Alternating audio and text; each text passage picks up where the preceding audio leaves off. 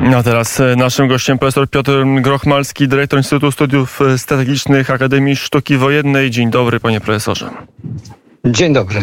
Mm, to mamy wojnę hybrydową, przynajmniej na granicy polsko-białoruskiej. Niejasną sytuację i bardzo niepokojące sygnały mm, z granicy ukraińsko-rosyjskiej, a dokładnie z tych mm, terenów, gdzie e, są samozwańcze terrorystyczne republiki Ługańska i Doniecka.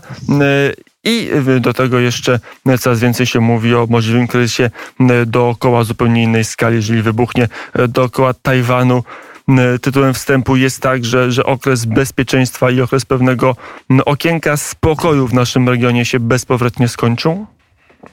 No, myślę, że już dawno. No, ja pozwolę sobie przypomnieć, że e, wydarzenie z 2010 roku, e, a więc katastrofę smoleńską, a jeszcze wcześniej e, e, wojnę gruzińską, która tak naprawdę była agresją e, na zewnętrzne państwo Federacji Rosyjskiej, a więc pokazywała pewne ambicje imperialne, które zresztą wyrażone zostały wprost już w 2005 roku, kiedy Putin sam siebie mianował jako następcę dynastii Romanowów. No bo w 2005 roku E, Federacja Rosyjska przyjęła swoje święto narodowe, Dzień Jedności Narodowej, na dzień e, zdobycia Kremla, e, pobicia Polaków, no i zakończenia smuty. Mm, smuty to jest 1612 rok. Później następuje 300 lat imperialnej potęgi pod dynastią Romanowów. No i mm, Putin twierdził, że on jest tym następcą Romanowów. On odbuduje imperialną potęgę. W związku z tym ten 2005 rok, to święto miało być takim symbolem właśnie e, ambicji, odrodzenia ambicji imperialnych. No i potwierdzone teraz w tym roku narzuconym e, Białorusi świętem, który jest świętem też jedności narodowej, mianowicie 17 września. E, zresztą zaskakujące, ale manewry Zapad 2021 kończyły się w zasadzie właśnie obchodami tego święta.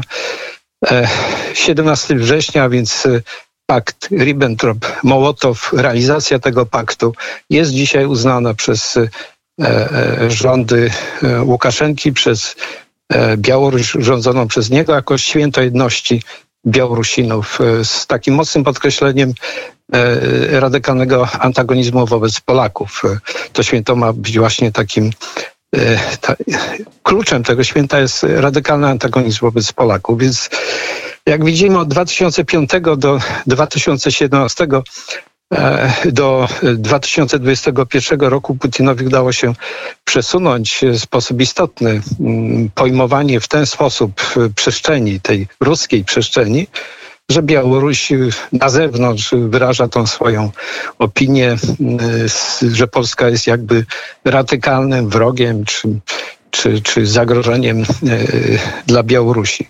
A jeśli przyjrzymy się tej całej e, filozofii czy logice, kiedy e, Putin stwierdził, że Łukaszenka przetrwa, i wtedy wysłał do Mińska grupę specjalistów od propagandy, 32 ludzi, wybitych dziennikarzy.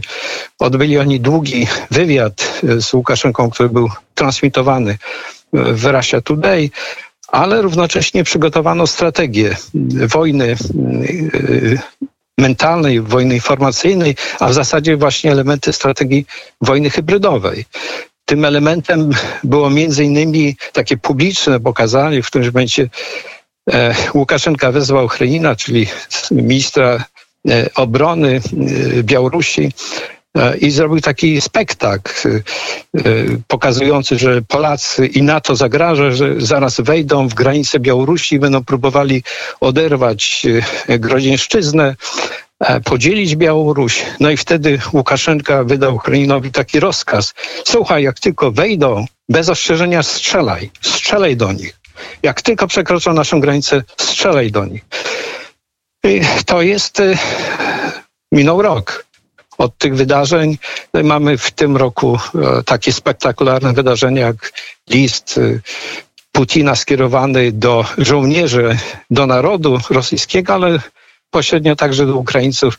Nie miejcie nadziei, e, zostaniecie włączeni do Rosji.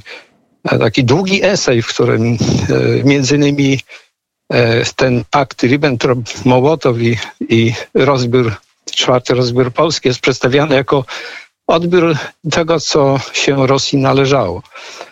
To jest e, bardzo niebezpieczny tekst. Ja sam określiłem go mianem e, putinowskiego Mein Kampf, bo tam jest w zasadzie wszystko e, rozpisane. To cele strategiczne Federacji Rosyjskiej są przełożone z dokumentu, który w tym samym czasie podpisał Putin, a więc strategii bezpieczeństwa Federacji Rosyjskiej, na taki zrozumiały dla Rosjan, dla żołnierzy rosyjskich bo ten tekst bardzo długi był czytany w jednostkach wojskowych. Ale żeby jeszcze lepiej go zrozumieć, to Putin udzielił wywiadu, w którym wyjaśnił jakby istotne elementy tego przekazu. No i mamy 23 października wystąpienie Putina e, na takiej konwencji wałdajskiej, takim forum wałdajskim, takie y, geopolityczne przedsięwzięcie, na które Putin y, zaprasza swoich załóżników, e, także spoza Federacji Rosyjskiej.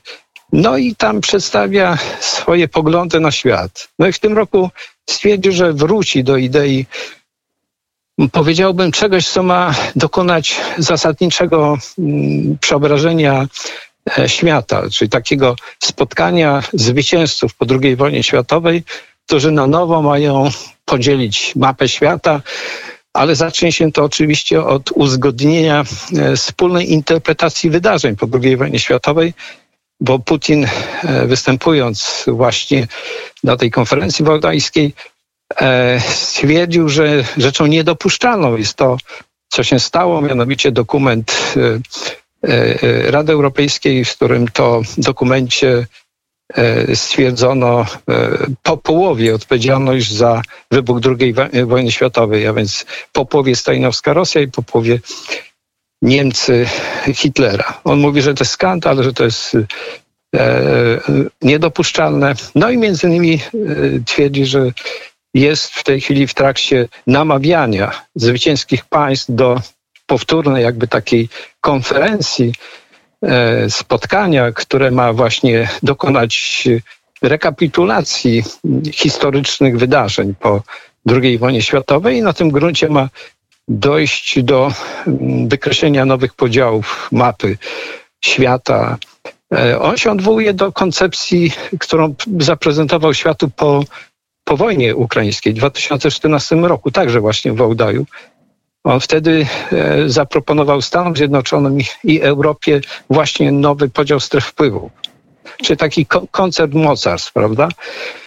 Wtedy odrzucony przez Stany Zjednoczone, ale nie odrzucony tak do końca przez Niemcy. To też no trzeba właśnie, to jasno ty Teraz jeden temat bym wprowadził, czyli właśnie temat Niemiec. Odchodzi Angela Merkel. Wydaje się, że porozumienie e, trzech partii tworzących e, nową koalicję z socjaldemokratami na czele jest tuż, tuż, a w zasadzie już jest pewne i, i na dniach będziemy mieli nowego kanclerza i nowy e, rząd w Berlinie. Jaka to będzie zmiana dla, dla Polski i dla Europy? Na ile nowy rząd, bo takie są obawy, będzie jeszcze bardziej e, plastyczny, czy jeszcze bardziej podatny na sugestie z Kremla? No, po pierwsze, to spokojnie, bo trudno powiedzieć, kiedy uda się e, ostatecznie zamknąć rokowania. Ta pierwsza forma być może zostanie zamknięta na początku grudnia, ale byłbym tutaj bardzo, e, bardzo tak e, daleki od jakiegoś entuzjazmu co do szybkości zawarcia tej koalicji, bo będzie dziesiątki problemów, które będzie bardzo trudno uzgodnić, a przede wszystkim podział teczek, y, podział władzy w tym rządzie, który po raz pierwszy historycznie będzie składał się z trzech partii, trzech bardzo zróżnicowanych partii, najstarszej partii niemieckiej, czyli SPD, no bo to jest partia, którą w zasadzie no Hitler zdelegalizował rzeczywiście, ale ma tą swoją ciągłość historyczną. Niedawno obchodzi 150 lat istnienia, więc to jest rzeczywiście ugrupowanie e, liberalno-komunistyczne czy, czy, czy socjalistyczne mające długą tradycję.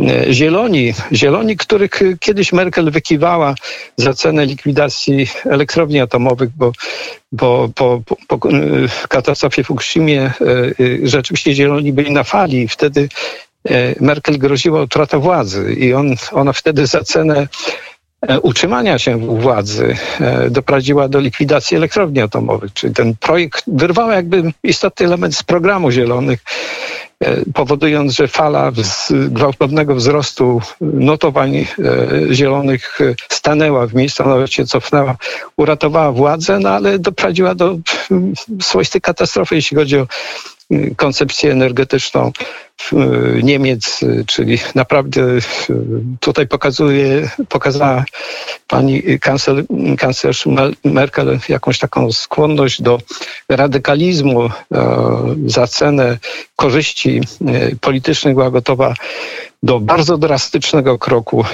którego skutki po, po dzień dzisiejszy Niemcy odczuwałem. Zresztą to też ma swoje konsekwencje, bo Niemcy konsekwentnie w tej chwili próbują blokować programy atomowe w innych państwach, prawda? Więc y, jak się ułoży w tej chwili ta koalicja, z pewnością będzie ona słabsza. E, jest ona e, z gruntu bardziej prorosyjska, no bo SPD jest odpowiedzialna za ten zwrot, ten ostpolityk Branta, który doprowadził do realizacji strategii gazowych, do ścisłych relacji. To w którymś momencie Właśnie SPD była zdania, że ta koncepcja denauerowska, a więc mocnego oparcia się w polityce E, e, zagranicznej z, w sojuszu amerykańskim nie gwarantuje Niemcom to, co jest ich strategicznym celem, a więc zjednoczenie Niemiec. I jedyny klucz do zjednoczenia Niemiec jest w Moskwie. W związku z tym trzeba dokonać zwrotu i prowadzić politykę otwartości wobec e, i zbliżenia wobec Moskwy, stąd Ostpolityk, podpisane porozumienia, także gazowe mające bardzo istotny związek z tym wszystkim, co, co dzisiaj widzimy w postaci Nord Stream 1 i Nord Stream 2, czyli można powiedzieć, że e, zaangażowanie Rurgas, e, kapitału niemieckiego w te wszystkie projekty, jeszcze w czasach, kiedy istniał podział na bloki, kiedy myśmy byli w ramach tego bloku sowieckiego, on sięga bardzo, bardzo długiej historii, jeżeli będę sięgał jeszcze bardziej odległej historii, ale ten sojusz strategiczny niemiecko-rosyjski ma bardzo długą tradycję. No i można, daleko nie sięgając, ale można się odwołać do tego, co się pojawia w takich częstych mm, stwierdzeniach Dugina, takiego współczesnego geopolityka rosyjskiego, który różnie jest odbierany, ale przez pewien czas był wykładowcą na elitarnej Akademii Sztabu Generalnego w Federacji Rosyjskiej. Otóż y, Dugin y, mocno akcentuje wizję czy koncepcję odwołującą się do koncepcji generała Haushofera, a więc człowieka, który tworzył tą podstawę geopolityczną dla III Rzeszy, dla projektu Hitlera, a więc y, sojuszu gospodarczego niemiecko-rosyjskiego. Jakby konsekwencją tego typu myślenia był właśnie pakt Ribbentrop-Mołotow. Haushofer uważa, że te dwa państwa są skazane na współpracę, bo się nawzajem uzupełniają. W związku z tym powinny te państwa łączyć strategiczne interesy gospodarcze. No i ślady myślenia e, Haushoferowskiego pojawiają się praktycznie w aktywności biznesu niemieckiego po 90 roku, po zjednoczeniu Niemiec. E, e, mamy cały szereg różnego rodzaju inicjatyw, a Putin praktycznie tuż po swoim zaprzysiężeniu, kilka miesięcy po zaprzysiężeniu jedzie do Berlina, no i spotyka się z kanclerzem, który wywodzi, no i spotyka się z kanclerzem, który wywodzi się z partii e, socjaldemokratycznej, kanclerzem Schröderem, no i proponuje strategiczny sojusz.